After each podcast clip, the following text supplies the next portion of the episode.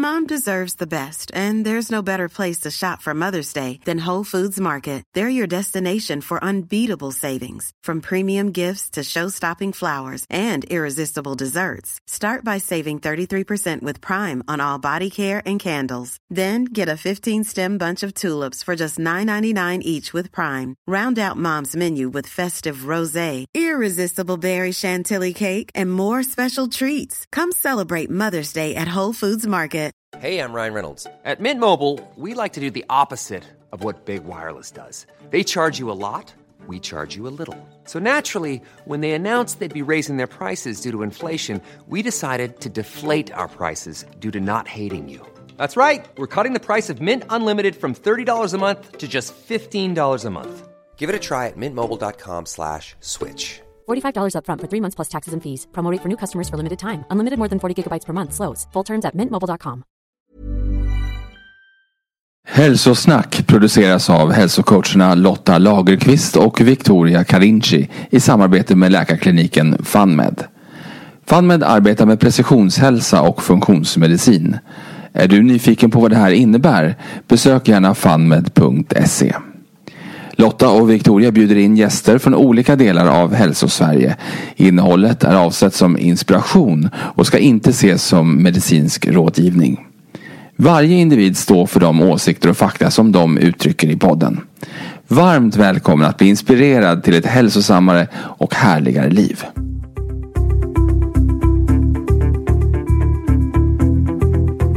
Hej Hans och välkommen till Hälsosnack och dagens forskningsspaning. Hej hej, tack så mycket. Idag så ska vi få höra mer om en intressant studie som du har gjort om nära döden-upplevelser. Det ska bli väldigt spännande att få ta del av. Men jag tänker allra först, som vanligt i hälsosnack, så skulle vi vilja be dig att presentera dig själv för oss och för lyssnarna. Vem är du Hans och vad gör du? Mm. Hans Singmark heter jag. Jag jobbar som överläkare på eh, Halmstad sjukhus på medicinkliniken där och eh, ja, min bakgrund, jag är dubbelspecialist så att jag är både eh, specialist i internmedicin och och lungmedicin. Så att, och, och jag har då jag, jag har nischat mig så att jag, jag jobbar som lungläkare här, här i Ham, på Halmstad sjukhus. Så med korta drag. Ja, men du forskar också? Ja, precis. Det, ja, det är ju en studie publicerad nu här som jag har varit ansvarig för. Den publicerades den 23 januari här i år i en amerikansk tidskrift som heter Qualitative Research in Medicine and Healthcare. Då.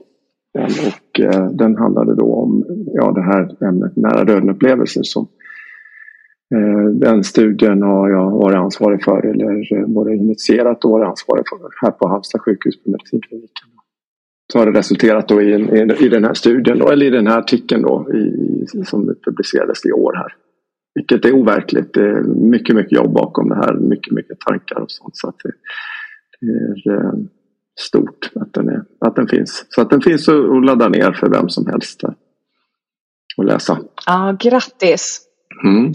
Vi ska se till att länka till studien här i, i show notes till avsnittet så att eh, alla lyssnare som blir nyfikna kan läsa mer om den.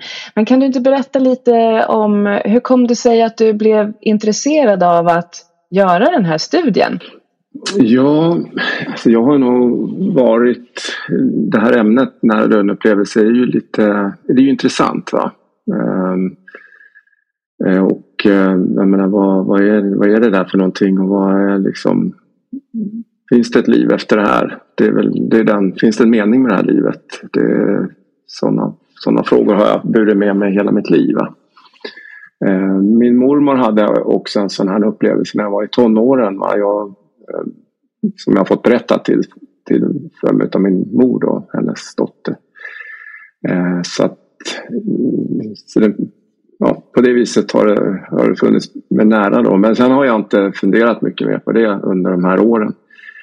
Eh, men sen, alltså jag blev färdig enkelspecialist 2018 och eh, under då de här åren, alltså specialisttjänstgörande eh, år, då är det fem års eh, specialisttjänstgöring. Då ska man också göra ett, ett vetenskapligt arbete. Inte så mycket att det, liksom, att, det, att det blir en, en publikation av det, för det, det begär man inte. Men ändå nånt, någonting åt det här hållet. Va? Och, eh, jag gick med, liksom, jag ville göra någonting som var viktigt för mig eller någonting som jag var ja, som, som inspirerade mig. Va? Och då, jag gick och vankade här hemma i Halmstad huset här och så pratade med min fru Katarina Orvedal och hon sa ja men du, du är intresserad av det här med nära döden-upplevelse. Ska inte du göra någonting? Du är ju läkare, det skulle du kunna göra någonting.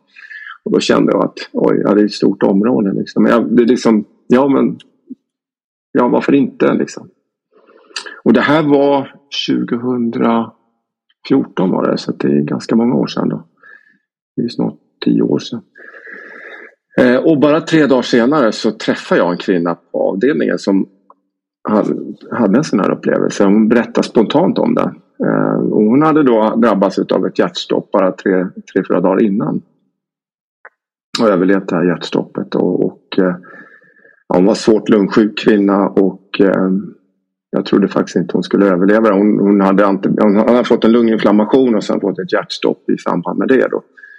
Eh, så att hon hade antibiotika och eh, låg i en så kallad ventilator i flera dagar. Så jag, ja, det var kritiskt för henne. Men hon, en dag, en morgon så hade hon liksom bara tagit av sig den här ventilatorn, den här masken då. Så, så bara berättade hon att du, jag har sett ljuset. Ja, jag, Hon blev väldigt, väldigt intresserad förstås, fascinerad. Och då berättade hon om en, ja, en, en ljustunnel liksom som hon, hon var på väg in i. Då. Och hon, ja, Berättade om kärlek, hon berättade om en, en välkomnande atmosfär och, och det var och det var liksom inte, det, var bekant för henne också. Så att, eh, och hon, alltså jag pratade med henne, det var mycket, mycket fascinerande möte med den här kvinnan. Men hon, hon, hon sa det att liksom, livet är jätte, jätte, jätteviktigt. Va? Det här livet är jätteviktigt. Men, och, och döden är ingenting att vara rädd för. Va? Eh, hon berättade också att hon hade, varit, hade gått med dödsångest hela sitt liv som liksom var borta och det, det upplevde jag också. Hon, hon, hon hade ett enormt frid över sig den här damen. Så jag var alldeles, alldeles tagen av det här mötet med henne. Och det här var bara tre dagar senare, alltså efter att min fru hade liksom sagt det här. Och, jag, och då gick jag med funderingar efter det här mötet och liksom att jag skulle vilja göra någonting. Och så pratade med min chef, ja det var ett par veckor senare, om det här. Att jag, och jag, så sa jag det att om, om han eh, liksom är, ja, säger nej eller tycker att det här är liksom... För jag, jag, man, det är ju lite, det är ju, det är utkanten va. Det här är ju lite kontroversiellt eller väldigt kontroversiellt skulle man kunna säga inom vårt, gebit.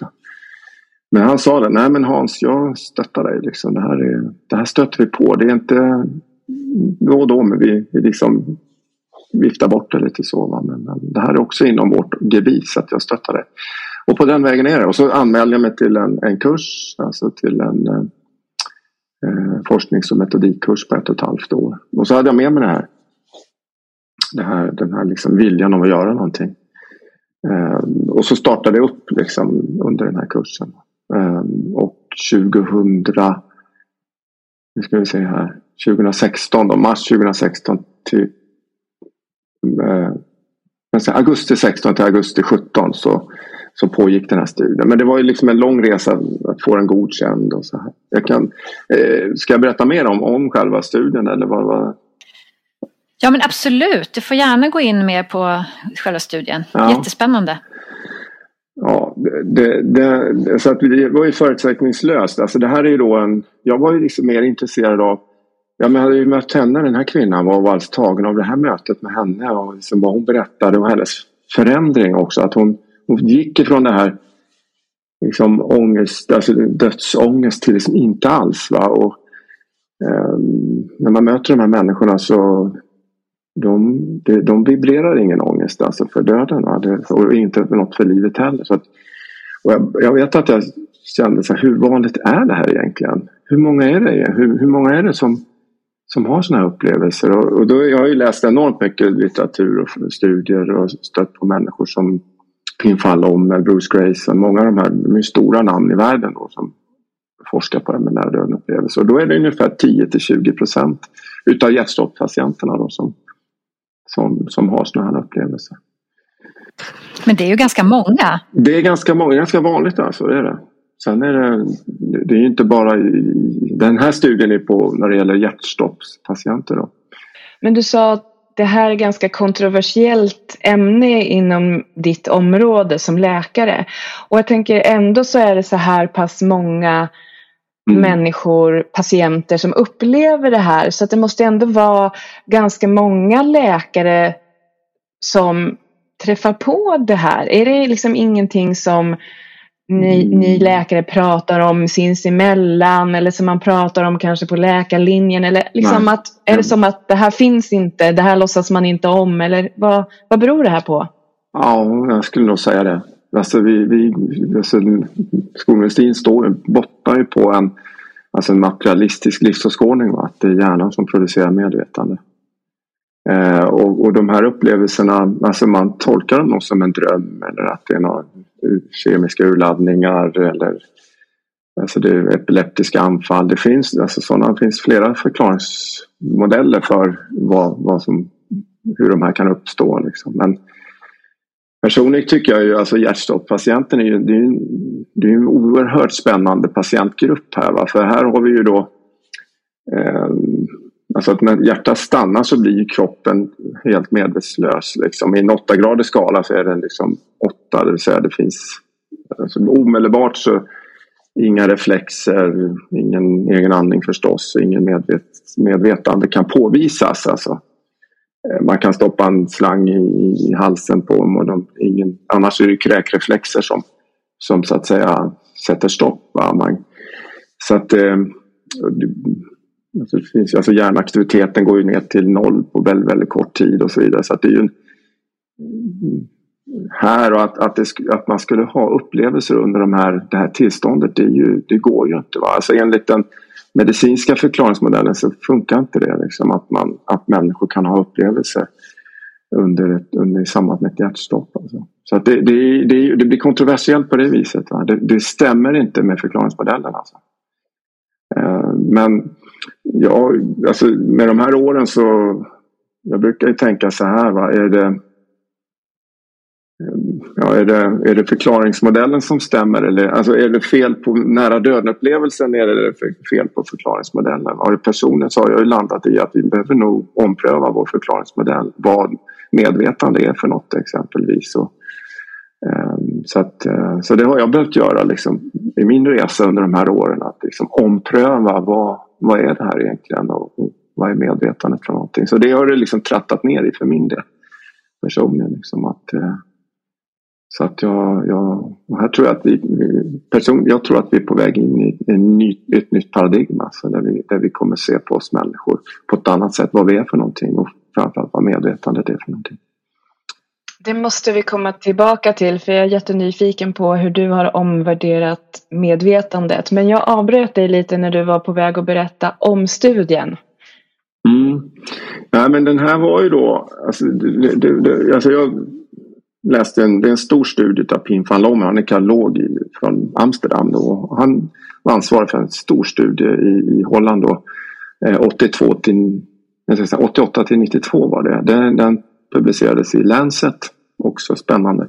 Men där gick man ut på tio sjukhus och eh, eh, just människor som har överlevt hjärtstopp. Många avlider av sina hjärtstopp så det är 5-10 procent ungefär som överlever sina hjärtstopp. Eh, och då så under fyra års tid då, så kontaktar man de här människorna på de här tio sjukhusen. Hur många man nu fick tag i men det var 344 har jag för mig. Och då visade det sig att 62 av de här hade nära döden upplevelser. Det vill säga 18 procent. Det var det närmare, nästan ungefär en femtedel. Så jag gjorde ett liknande upplägg här. Att jag, efter att den var godkänd av etiska kommittén i Lund och så. Men det måste man göra innan, innan den blir publicerad. Eller kan publiceras i en tidskrift. Så ehm, ja, satte upp lappar då och, eh, på sjukhuset här. Att, eh, ja, mer eller mindre. Är det så att ni har en människa som har drabbats av ett hjärtstopp här på, eh, på, på sjukhuset och har överlevt med bevarat intellekt så ring mig. Så, så vill jag gärna prata med dig.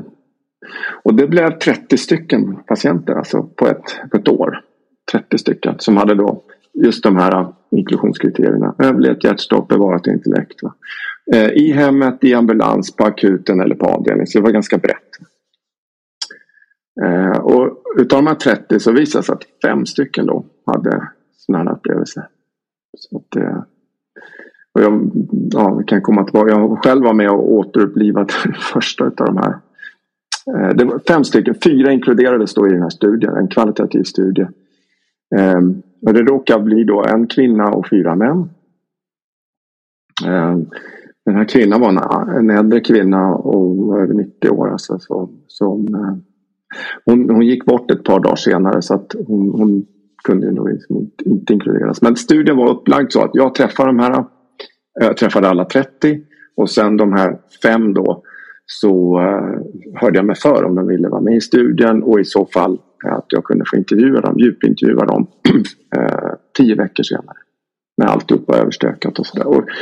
Sen då har vi då de här fyra intervjuerna är då nedskrivna då, ord för ord och sen är de då tolkade. Då, alltså en kvalitativ forskningsmetod och då eh, ja, samlade då i den här artikeln som är publicerad nu i januari i år. Vill du berätta lite om vad, vad de här människorna beskrev för dig? Du får gärna berätta ja. liksom, story för story om du vill.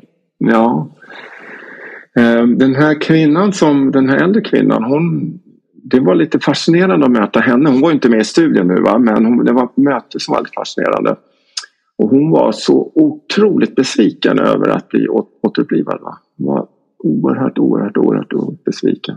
Nu kan man tänka, hon har levt ett, ett långt liv och så men hon, hon beskrev att hon hon eh, var ett hjärtstopp på, på avdelningen och att hon, eh, hon kom till en äng va? med liksom blommor och så här. Hon var på väg. Hon var på väg mot en gräns. Det fanns en gräns liksom framför henne. Va? Väldigt tydligt. Och hon visste också att hon var den här gränsen var, alltså passerade hon den gränsen så gick det inte att komma tillbaka. Va? Det var lite så här point of no return. Va? Men hon hann aldrig över den här gränsen för det var någon som återupplivade henne. Va? Och hon var så besviken och arg på den här, det här teamet som hade återupplivat Men hon tackade alltså nej till all vård. Alltså. Sa nej till allt. Och jag vet den här överläkaren som var ansvarig för henne. Han frågade mig liksom, du kan skriva ett vårdintyg på henne. Det vill säga att man tar över hennes eh, ja, bestämmande rätt över sig själv och så. Va? Det är, men, och, och, det är väldigt särskilda kriterier att man för att, för att för att vi ska kunna skriva sånt där. Men jag sa nej men hon är inte, hon är vid sina sinnens fulla bruk. Alltså, hon är inte psykotisk, hon, är inte, hon vill det här. Så att sen, sen dog hon ett par dagar senare. Mm. Så. Mm. Då fick hon som hon ville till slut. Ja, precis. Och det kan jag känna. Jag har mött flera som är den här besvikelsen över att få att vara här igen. Det var den här första kvinnan också som jag 2000 14 och sådär. Också enormt besviken. Men hon, sen landade hon i och så, så kände okej, okay, ja, det är något mer jag ska uppleva här. Och jag är inte färdig än med det här livet. Så uttryckte hon sig. Så att, eh, ja. Mm. Men sen var det den första utav de här. Det, sen visade det det blev ju fyra män. Alltså det råkar bli så. Uh, men den första då informant säger man och han var med själv återupplivade. Eh, det var en lördag morgon, tidig lördag morgon och eh, han kom in alltså för egen maskin till akuten och hade då han hade ett, ett, en pågående hjärtinfarkt. Han hade vaknat på natten liksom och sen hade han åkt egen bil med frun in till, in till akuten. Där. Inte större, han var 74 år gammal. Och han fick ett hjärtstopp inne på akuten där. Eh, och Alltså han, hans hjärta gick in i, i, en elektrisk storm, alltså en tryckelflimmer heter det. Och det här var bara någon, men alltså typ en, knappt två minuter. Vi räknar till en minut och 40 sekunder ungefär det här hjärtstoppet. Och, och han, alltså han, hans hjärta startade då när vi, vi gav honom en elstöt, alltså en defibrillering och då återgick hans hjärta då i normal hjärtrytm. Och sen så, um, och han det var också omständigheter under det här, kan jag säga. Det var omständigheter under det här hjärtstoppet. Vilket gjorde att, för han berättade om en sån här nära döden upplevelse. Eller han berättade om eh, att, han, att han levde sitt liv en gång till. Va? Förstår ni? Alltså han, han var 74 år gammal. Och han levde en gång till. Liksom. På en minut och 40 sekunder. Så upplevde det, upplevde det eller levde om? Han levde det en gång till. Ja. Han levde ja. sitt liv en gång till. Och, alltså det, vi har hört det här med att pass, livet passerar revy och så vidare. Och det kan vara lite olika. Alltså både att man uppfattar det som att det liksom är som en biofilm eller skärm så att säga. Men också att du faktiskt de facto lever en gång till. Och han levde det en gång till. Alltså på en minut 40 sekunder. Och jag förstod att det var omständigheter under det här hjärtstoppet som gör att jag förstod att han, att han hade den här upplevelsen under sitt hjärtstopp. Det var inte innan eller efteråt utan det var under. Uh, och jag... Alltså jag... På vilket sätt? Alltså jag, så här var det, när, på den här lördagmorgonen så då, det var inte så att han berättade om det då på morgonen där utan då var det när han fick igång hans hjärta så var, det handlade om att få honom till Lund och att eh, eh alltså, göra en sån här alltså ballongvigning då. Det hade vi inte då i Halmstad på jourtid utan han fick gå till Lund. Men när han kom tillbaka sen, just det här att, det här att jag mötte honom då ett par dagar senare. Va? Hej, eh, minns du någonting un, under det här hjärtstoppet? En del gör det. Det var väl lite så jag det var ett långt möte jag hade där med honom. Och då berättade han att han hade Ja, att han hade mött sin mamma och pappa när han var två, tre år gammal. Va?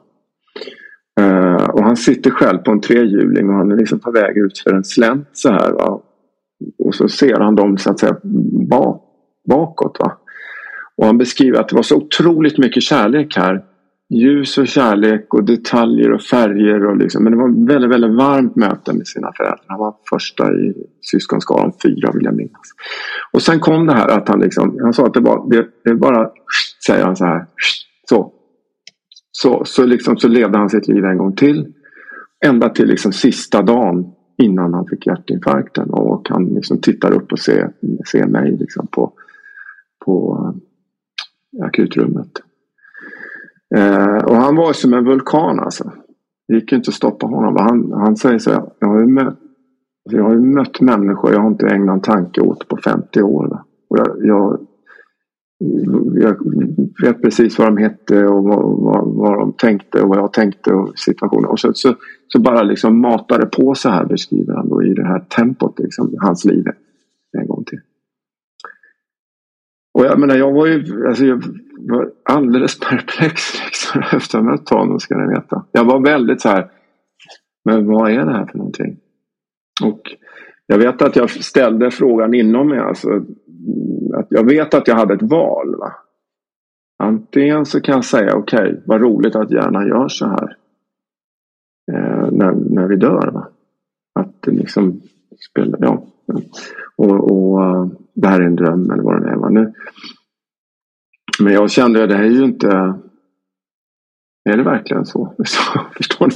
Och jag gick ju den andra vägen. Liksom, att nej, men det här är ju något annat som, liksom, som, som, som, som, som, som går in här. Eh, och jag har ju, jag menar bara en sån sak som att kan hjärnan lagra ett helt liv? Och det, det kan den inte. Det är, alltså, det är ju det är ju människor som har räknat på det här. Om man utgår ifrån den medicinska förklaring vad ett minne, hur ett minne lagras. Eh, man likställer ju gärna med en dator. Vadå att det blir... Alltså det, att det liksom blir... Hjärnan, det skulle vara för... Ja, hur lagrar hjärnan ett helt liv? Va? Hur är det möjligt? Va? Och i hans fall kronologiskt alltså. Det är inte bara huller om buller massa minnen utan det kommer kronologiskt liksom. Från när han, när han var två, tre år gammal till liksom sista dagen upplever han. Han lever sitt liv en gång till. Och jag var ju, jag, jag var ju alldeles liksom, men vad är det här för någonting? Att, eh, och sen har jag ju naturligtvis, det här var ju 2016 och sen har jag ju läst och forskat och liksom fördjupat och förstår att personligen har jag ju landat i att nej, men medvetandet är ju inte fysiskt. Alltså. Läst kvantfysik och så. Så att personligen har jag, har jag liksom landat i det. Att, eh, det är ju den vägen. Och då när du säger att medvetandet inte är fysiskt, menar du då att inom skolmedicinen och traditionellt sett ja. på det, då är det liksom att det skapas i vår hjärna. Mm. Men då tänker du dig att så här, det är inte i hjärnan det här händer som du har fått berättat för dig. Nej, alltså rent, rent alltså, nej, nej men precis. Alltså vi har ju den ja, basen vi står på är ju alltså att, att hjärnan är producent av medvetande. Och det har jag också tänkt. Va? Alltså det, är, det, det, det, är, liksom, det, är en, det, är en, det är en fundamental sanning och det är ingen som ifrågasätter det. Men vet, det är klart att det är så. Hur skulle det annars kunna vara? Va? Vem, vem, vad, hur, hur, hur, tänker du nu? Alltså den är ju, det är ju så liksom vedertaget. Va? Att det är hjärnan som producerar medvetande. Så att, det, att bara ifrågasätta den så blir det ju direkt. Eller hur? Och men när man, man börjar liksom att fördjupa sig lite grann i, fråga, i, de här, i de här frågorna så inser jag att nej men, det finns inga bevis för att medvetandet är skapat av hjärnan. Det, det bygger på ett antagande. Va? Det, och som har blivit en sanning. Alltså det finns inte ett enda bevis som säger att hjärnan producerar medvetande. Så jag, jag brukar säga så här, de, som, de människor som ja, ser det på ett annorlunda sätt. Det är helt okej okay för dem alltså, att göra det. För det finns inga bevis åt det ena eller andra hållet. Va? Men eh, jag personligen, jag kan säga så här. Jag tycker att bevisen för att de facto medvetandet är någonting annat. En egen entitet. Bevisen för att det är på det viset hopar sig. Va? det är mer som talar för att medvetandet inte är fysiskt, det vill säga inte hjärnbaserat. Sen hänger det ihop med hjärnan. Alltså det är ju någonting med, eller vi säger så här, jag läste en bok av Alva Noe, en neurovetenskapsman. Han menar på att det är inte ens, alltså det enda man kan säga är att medvetandet tenderar att hänga ihop med huvudet. Va? mer med huvudet än med fötterna. Alltså det, det är det vi vet om medvetandet. Vi vet att medvetandet existerar. Det kan vi alla skriva under på, eller hur? Mm. Men vad är det för någonting? Mm. Mm. Så, så att det, det kommer in i det här med, jag är intresserad med kvantfysik också. Va? Det, är ju, det man tolka hur man vill. Det finns ju många som tolkar kvantfysik på olika sätt. Men det finns också kvantfysiker som menar på att medvetande kommer först. och Sen kommer materien the other way around. I vår, vår förklaringsmodell så är ju att materien kommer först. Va? Att materien skapar medvetande. Men de här, de här kvantfysikerna som jag har läst om, matematiker, menar på nej, det är tvärtom. Det är medvetande som skapar materia. Ju... Eh, och vad har de för belägg för det? För nu sa du liksom att bevisen hopar sig här. Tänk, är det ja, det här du tänker på då? Ja, ja precis. Alltså dels finns det ju många berättelser. Och, alltså det här med nära döden-upplevelserna det finns ju människor som beskriver saker. Att man har under de här extrema situationerna, hjärtstopp eller svår sjukdom och så vidare, medvetslöshet, har upplevt saker i, på platser eller i rum som de, alltså de återger saker som de omöjligen ska kunna återge. Va? Eh, det finns ju människor som har beskrivit saker i hjärtstoppsammanhang också. Att, så att säga, detaljer eh, som heller inte är, är förenligt med vår förklaringsmodell. Så att säga, så att det, det, det, det finns ju mycket som talar för att medvetandet är någonting annat. Det, alltså, det vill säga någonting som, kan, som är en egen entitet. Va? Och sen hur det kan vara så, det vet jag inte men, men eh, låt oss undersöka det här. Eh, sen det här med kvantfysik, alltså jag vet inte om jag är människa att reda ut det hur, hur liksom kvantfysiken, eh, alltså de här resultaten som kvantfysiken pekar på. De, de, kan man ju naturligtvis tolka hur man vill, va? det är ju hur man tolkar resultatet här. Va? Men här skulle man då kunna se det som att medvetandet är med och eh, påverka resultatet i experimentet. Va? Och på det, på det viset påvisa att medvetandet är en egen, det är någonting annat. Alltså det, alltså det är en egen entitet.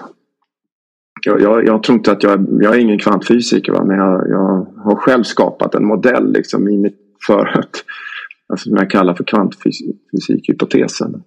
Jag har föreläsningar om det här men eh, som den nära döden-upplevelsen får finnas. Va? Om man tänker sig att medvetandet inte är fysiskt då är ju det är ju, det är ju lite grann vad de, vad de beskriver tycker jag här. Va? Att de, de har en upplevelse av någon, någonting annat. Men, och att ett annat rum liksom. Och att jag var där och upplevde det här rummet lika mycket som jag är här i det här fysiska rummet. I det här, i det här rummet. Så att säga. Eh, men det jag, min tolkning är att de, de har en upplevelse av att medvetandet fortsätter eller att medvetandet är någonting annat. Och det är det de liksom också försöker beskriva med, med ja, jag vet inte om jag gör med tydliga här.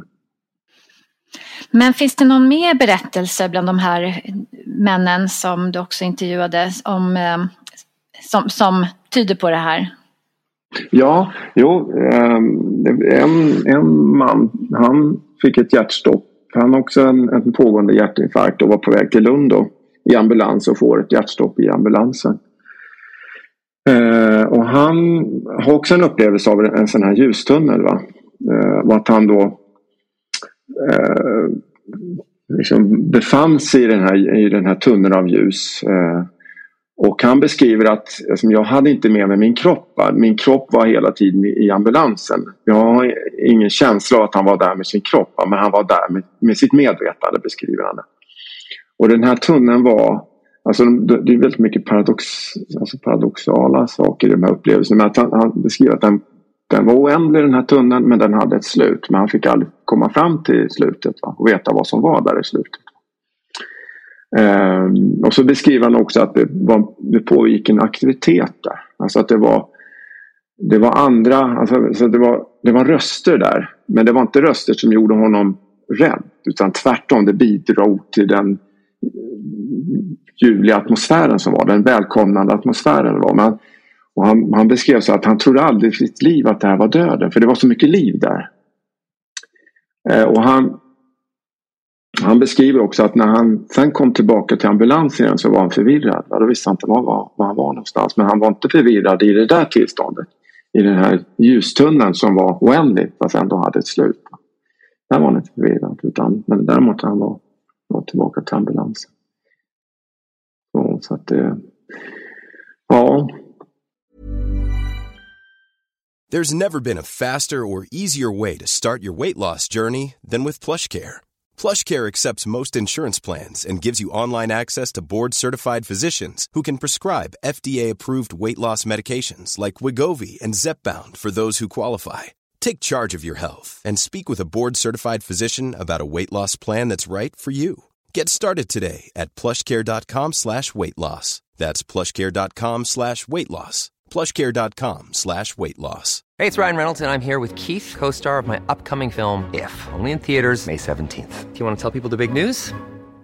All right, I'll do it. Sign up now and you'll get unlimited for $15 a month in six months of Paramount Plus Essential Plan on us. Mintmobile.com slash switch. Upfront payment of $45 equivalent to $15 per month. Unlimited over 40 gigabytes per month. Face lower speeds. Videos at 480p. Active Mint customers by 531.24 get six months of Paramount Plus Essential Plan. Auto renews after six months. Offer ends May 31st, 2024. Separate Paramount Plus registration required. Terms and conditions apply if rated PG. Sen var det också en man, han Eh, han hade ett hjärtstopp på sin arbetsplats och det varade ungefär 5-6 minuter. Eh, och han upplevde, han, han, han, beskrev då också ett väldigt, väldigt starkt, han sa så här att det är som att du sätter på 10 000 watt här. Och han sa att han stod liksom, och att det var som en tröskel. Va? Han hade en tröskel framför sig, men han stod och tittade in i det här ljuset och det här ljuset var oändligt. Va? Eh, och det var oerhört starkt men ändå inte. Va? Eh, och så sa han att det var den här kärleken. Han, han, beskrev det som att det, det är inte det här. Liksom. Det, det, här är någon annanstans. Den här, det här rummet befinner är någon, på någon annan plats. Va? Och, så, och hans upplevelse var också att det var fritt ifrån ondska. Va? Det fanns ingen ondska där. Och han var snarare så här. Han sa så här, det här ska man ju vara rädd om. Att, att kanske inte berätta för alla. För då, alltså han tänkte på självmordskandidater och så vidare att man, man ska vara försiktig och berätta om den här platsen. Så det var hans tolkning över, att, eh, över, över den här upplevelsen. Samma där, att det, att det finns liksom en, en, en gränslöshet i det här. Alltså att en oändlighet i, i, i det här rummet. Men att, att de är där med sin eget, alltså, som han sa. Eh, jag, jag var där med mitt medvetande lika mycket som jag är här tillsammans med dig. Lika mycket som jag är här tillsammans med dig i, i det här mötet så var jag också där. I det, där. det är lika verkligt om inte verkligare för mig. Så, att det här. Så för de som har upplevt det här så känns det inte som en dröm utan det känns väldigt verkligt. Är det så att de liksom minns det väldigt, väldigt tydligt? Även du träffade dem ju efter tio veckor, eller hur? Mm. Men att det känns som att det här är någonting som liksom en dröm. Man kanske minns det på morgonen men sen fejdar det bort. Mm. Fortsätter den här upplevelsen att vara så stark för dem? Mm. Nej men det är ju genomgående att de, den är väldigt verklig. Va? Mycket, mycket, mycket. Alltså, så de beskriver så att det sluter de ögonen så, så är den där, va, den här. Men de säger så här, det är ett minne av den. Jag har ett minne av den. Va. Jag berättar om minnet av den. Va.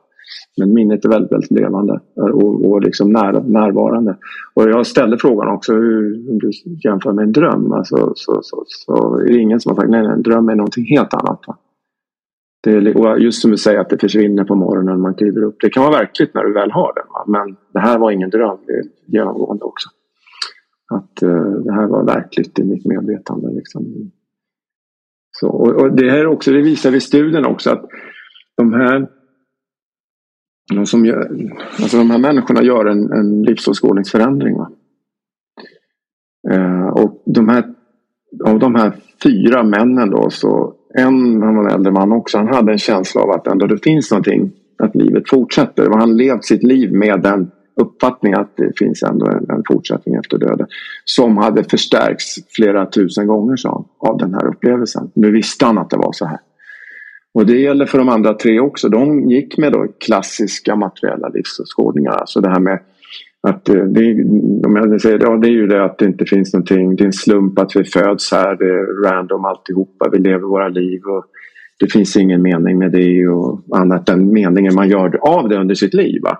Men sen när vi dör så finns det ingenting annat heller. Det är ju den klassiska liksom, förklaringen om vad det här är för någonting.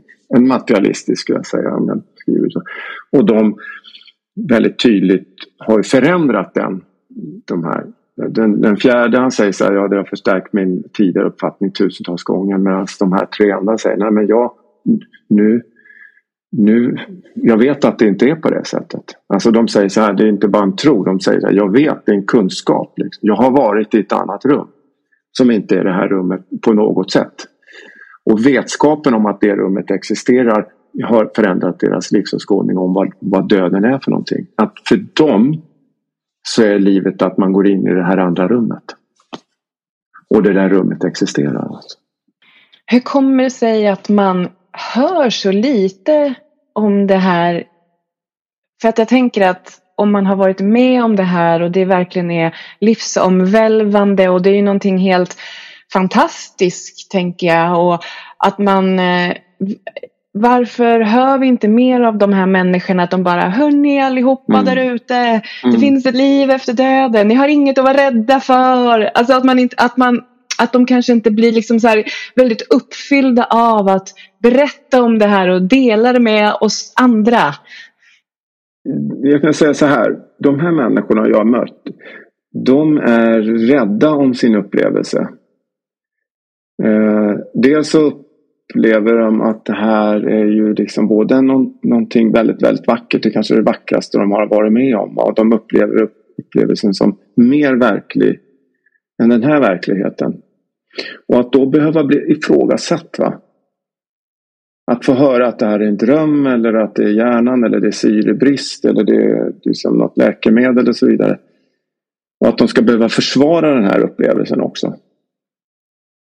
Jag tror de liksom värjer sig. Eller, alltså, alltså den här mannen som jag var med och återuppliva första gången, eller första patienten, han var ju han, han berättade, han inte berättade för någon om den här upplevelsen. Då. Och eh, han, jag kände att han liksom synade mig i sömmarna. Va? Men han litar på mig. Va? Dels för, för att jag, jag är nyfiken va? Men, men också att jag var med där på morgonen och i samband med återupplivning. Men han berättade om det.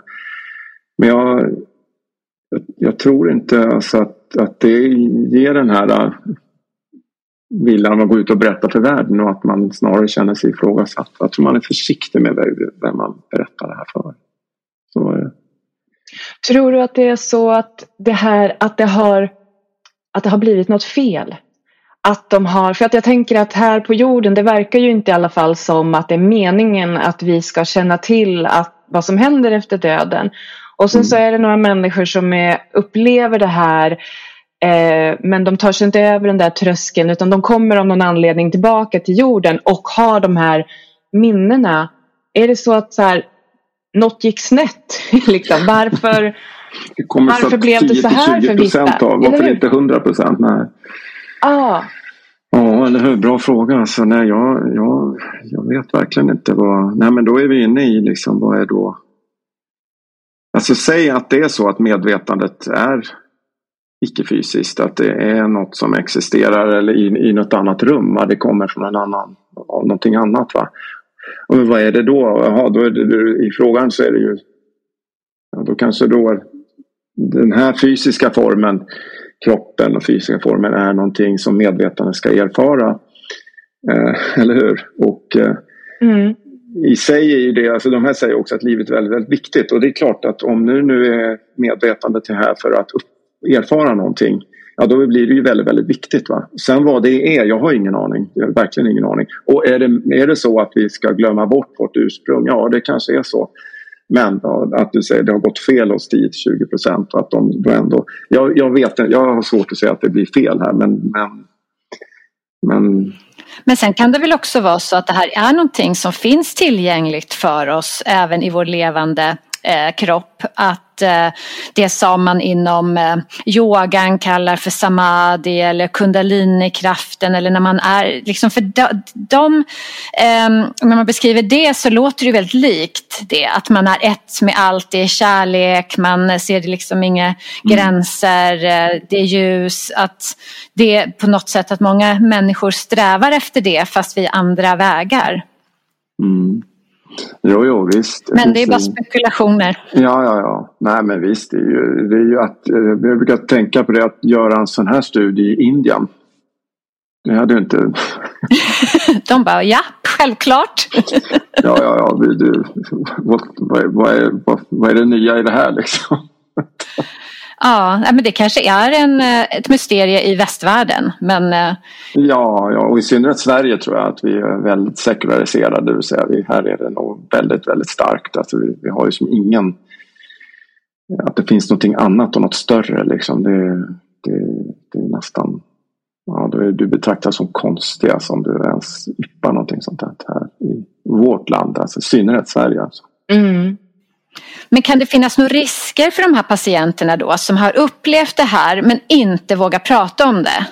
Eh, för jag menar det är ju ganska många inom vården som, alltså ja, borde, inom ja, vården borde man ju komma i kontakt med många. Ja, ja, ja. Nej men det är en, det är en, det är en bra fråga. Alltså, alltså, i, I slutet på den här artikeln så, alltså min, min önskan är att det här blir accepterat inom vården va? Och i samhället också att det här blir legitimerat, den här upplevelsen existerar. Va? Det gör den.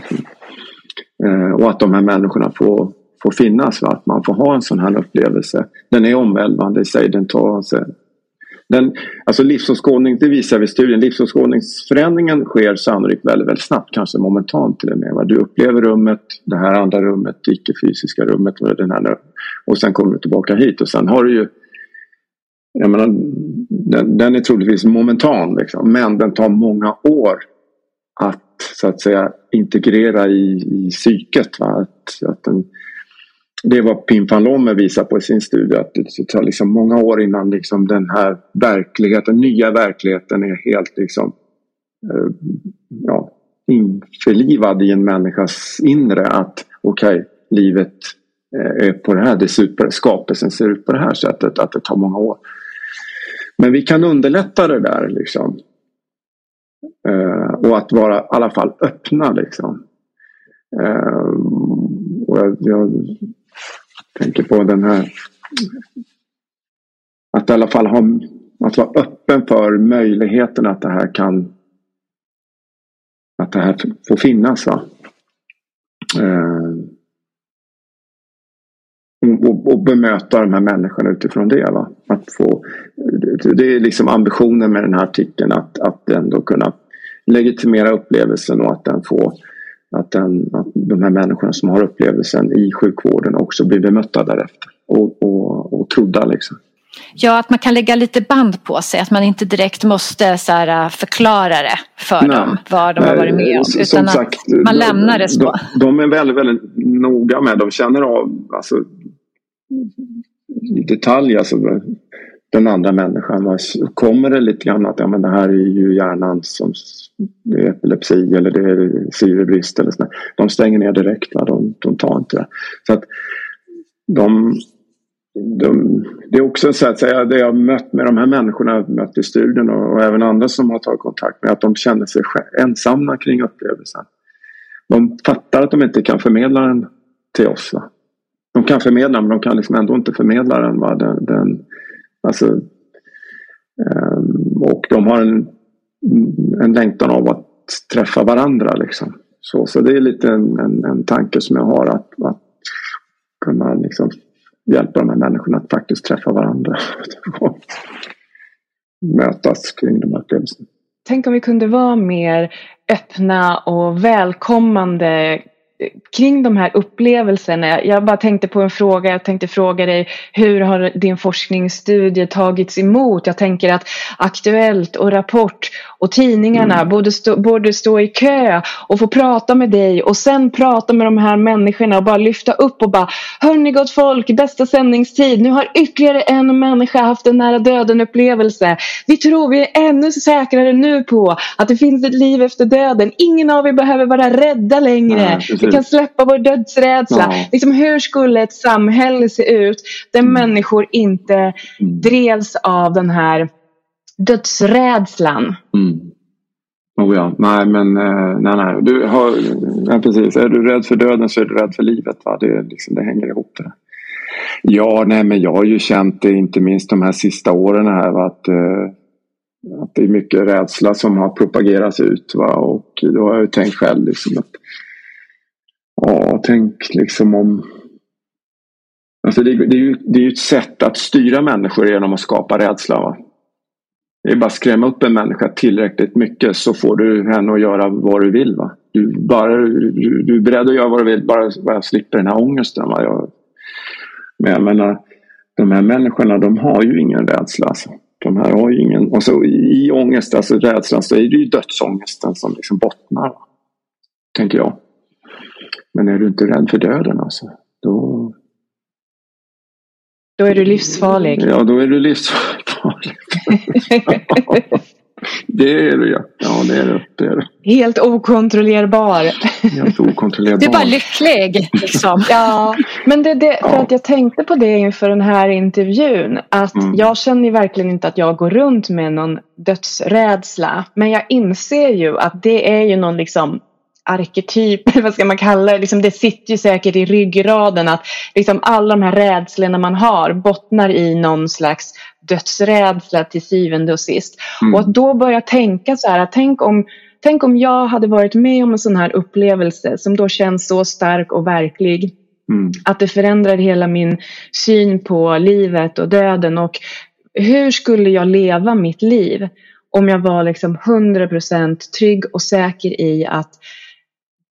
Liksom, döden, det är inget att vara Nej, rädd för. Jag, Hur skulle jag, jag, alltså jag kan nästan inte ens tänka de tankarna mm. eller liksom komma på svar på de tankarna. Hur skulle mm. jag leva annorlunda idag mm. om det här om jag kunde inkorporera det här du säger liksom 100% i mitt väsen? Mm. Ja, det är en jätte, jätte, jätte, jättebra fråga. Alltså det, det, liksom, det... Nej, nej, eller hur. Va? Det, jag, jag ska faktiskt säga en av de här herrarna här, han sa så här. Eh, han var 57 år då när det här var. Och eh, så sa han så här att det här, den här upplevelsen också, ja den skrämmer honom också.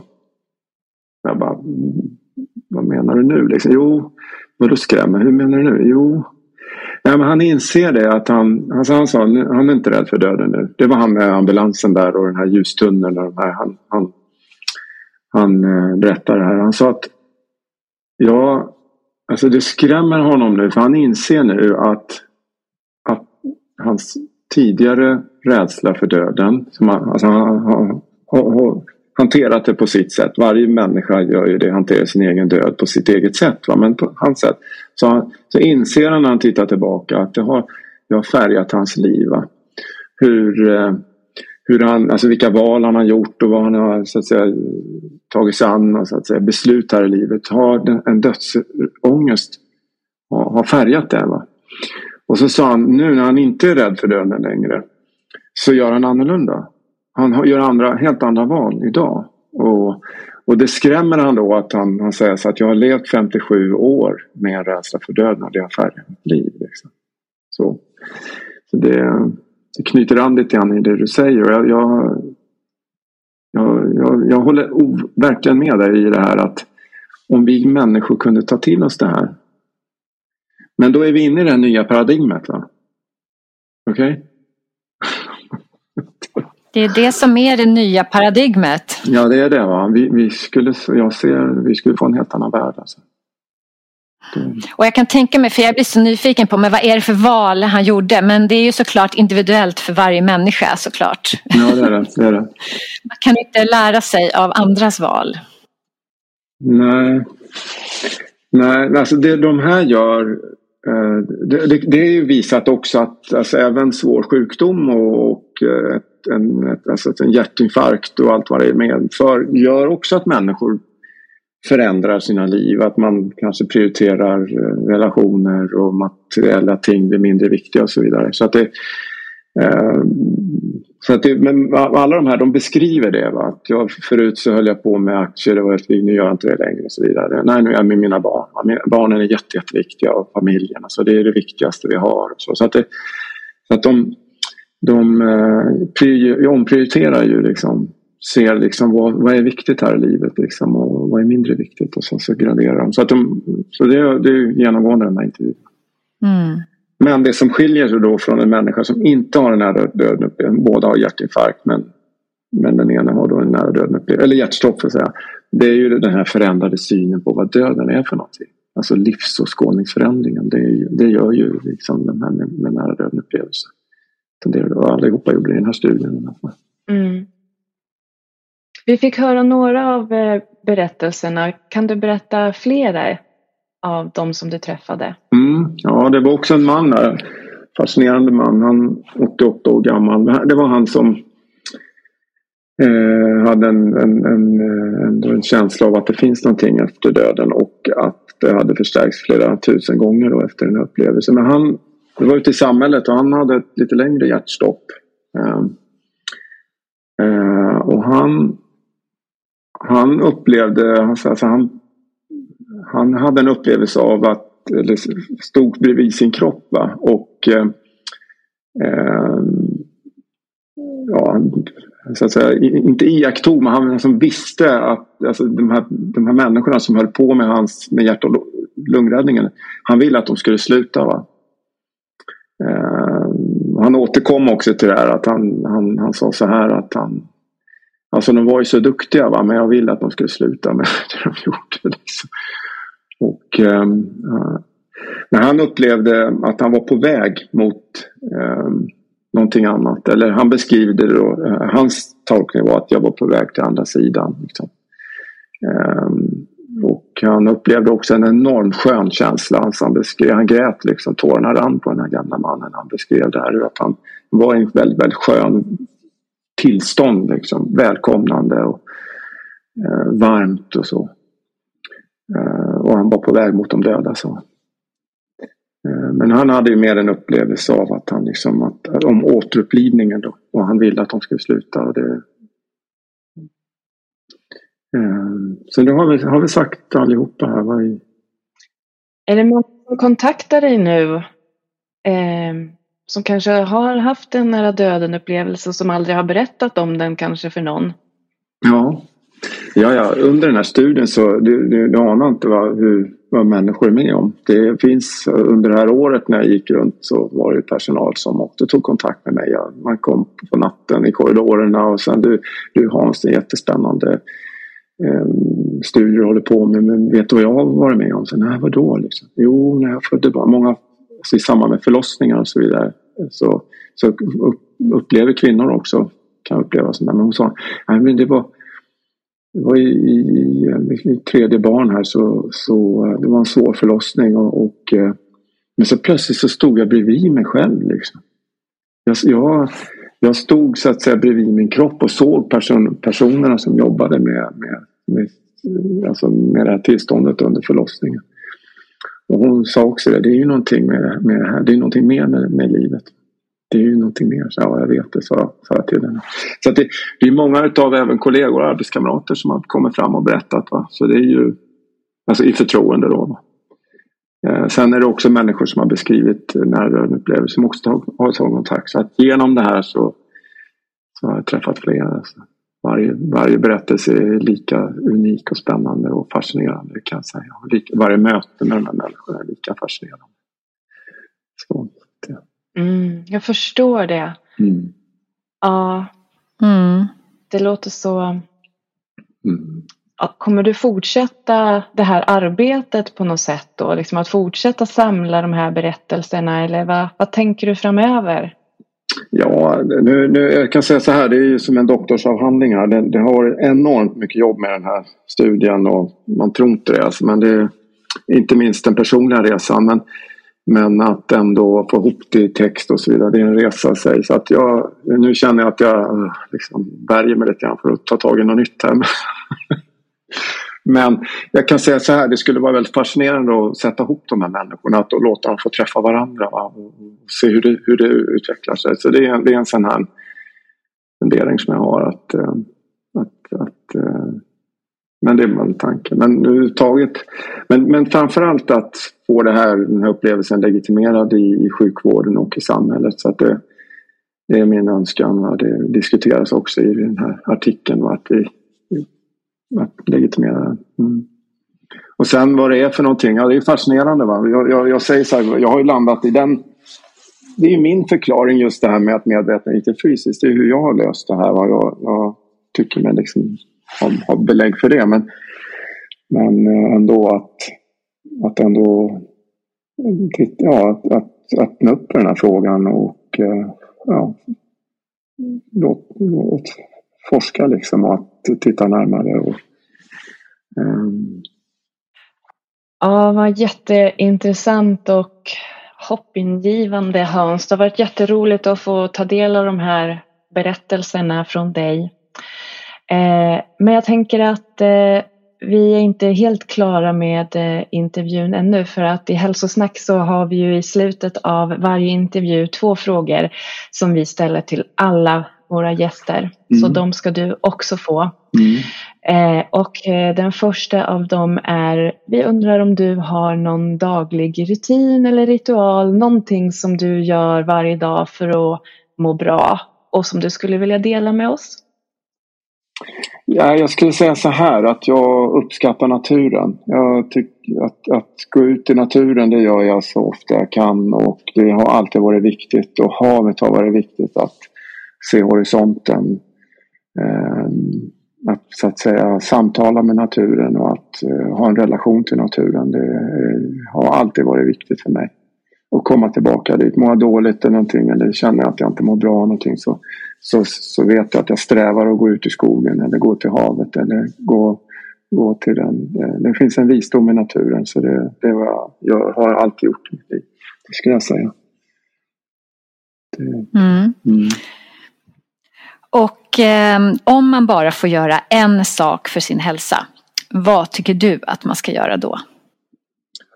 Oj, jo, jag tycker att jag har faktiskt varit på en kurs här. Min fru bjöd med mig på en kurs uppe i Värmland. Jag gör redan reklam för den. Eh, Living Food heter den. Eh, hon heter Birgit, Birgitta Davidsson. Jag när jag jobbade, jag jobbade för en, på ett företag som heter Doctors när jag var i dryga 20-årsåldern. Eh, och han som hade det företaget hette Kurt, hette Kurt Malmsten och var också del i, han var internmedicinare, läkare. Och var också del i ett Nobelpris 1982. Så att mycket, mycket kunnig människa och fascinerande person. Säkert flera som känner igen hans namn här. Jag jobbade för honom i flera år och han sa en gång, och jag kommer aldrig glömma det. Han sa bara sådär i förbifarten så, så här att ja, jag tror att, eller han tänker att det mesta av våra sjukdomar vi har orsakas av det vi stoppar i munnen, va? det vi äter. Och då, jag var inte läkare då, jag var bara 22 kanske, någonting, 23. Jag fattade inte vad han menade. Jag hade ingen aning alltså. Ingen aning. Men jag kommer ihåg stunden, vet ni det, man har liksom en, en flash liksom, att, minnen. Va? Men jag kommer ihåg det när han bara säger det liksom i förbifarten. Eh, i, under läkarlinjen och under så har vi ingenting om kost. Det finns ingenting om, om det här med vad vi äter och så. Och vad det spelar, hur det spelar roll liksom. Vi, vi fick en katt för något år sedan och den var till veterinären och då frågar veterinären alltid när man kommer dit eh, vad äter katten? Vi gör inte det. Vi var på den här, jag blev medbjuden på den här kursen, Living Food, under nio dagar. Och jag kan säga så här, för mig var det en eye-opener vad kosten gör med våra kroppar. Alltså. Och jag kunde se det på de här kursdeltagarna också, hur, hur den påverkar oss. Och här skulle jag säga, är det någonting att göra för sin hälsa, det är att gå in i det här med, med vad vi äter för någonting. Och hur det, skulle jag säga, min tolkning, hur det påverkar och skapar sjukdomar. Alltså. Så ska jag säga. Det kan vi verkligen skriva under. Mm. Eller hur Lotta? Det är verkligen. det vi jobbar med dagligen. Mm. Att kosten spelar roll. Så är det. Så att jag kan säga så här, egen erfarenhet från nu här i september. Men eh, där finns det mycket att hämta alltså. Mm. Tusen tack Hans för att du tog dig tid att komma till hälsosnack och eh, dela med dig av det här.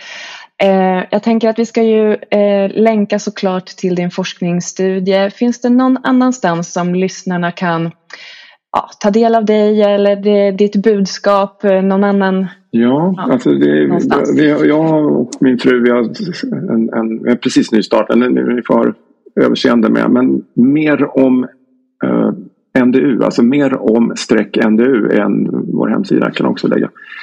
Eh, där kommer vi, vi kommer att eh, vi, min fru har en, ett ställe nere i Sydfrankrike här sedan 12 år tillbaka. Eh, kan lägga en adress till den också. Men vi, vi kommer att ha en kurs tillsammans här i nästa år, efter sommaren nästa år där nere. Och det, det kommer vara Alltså, dels det här med kost men också med dans och meditation. Hon, är, hon, hon håller på med dans, eh, frigörande dans och så här. Var väldigt, väldigt duktig Katarina. Eh, och vi kompletterar varandra. Så jag, hon kommer ha dans och så meditationer och så vidare. Och jag kommer ha med mig nära döden upplevelser, föreläsningar också även med, med kost, hur det gör med våra kroppar. Så att eh, vi kommer att lägga ut kursinformation där på den hemsidan. Så det får folk gärna titta närmare på och förstås väldigt gärna komma på kursen också. Um, men det, det, det, det skulle jag säga. Mm. Mm. Spännande. Jättebra. Ja, lycka till med det. Yes, yes. Mm. mm. Tack så jättemycket. Tack själv för att jag får vara med här. Spännande och jätterolig diskussion. Tack så mycket.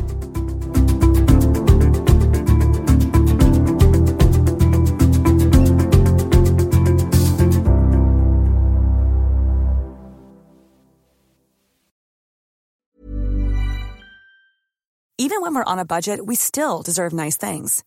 Quince is a place to scoop up stunning high-end goods for 50 to 80% less than similar brands.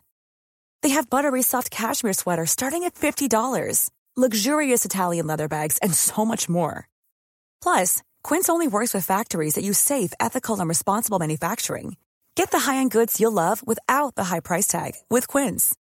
Go to quince.com/style for free shipping and 365-day returns. Hold up. What was that? Boring. No flavor. That was as bad as those leftovers you ate all week. Kiki Palmer here, and it's time to say hello to something fresh and guilt-free. Hello Fresh. Jazz up dinner with pecan-crusted chicken or garlic butter shrimp scampi. Now that's music to my mouth. Hello Fresh. Let's get this dinner party started. Discover all the delicious possibilities at hellofresh.com.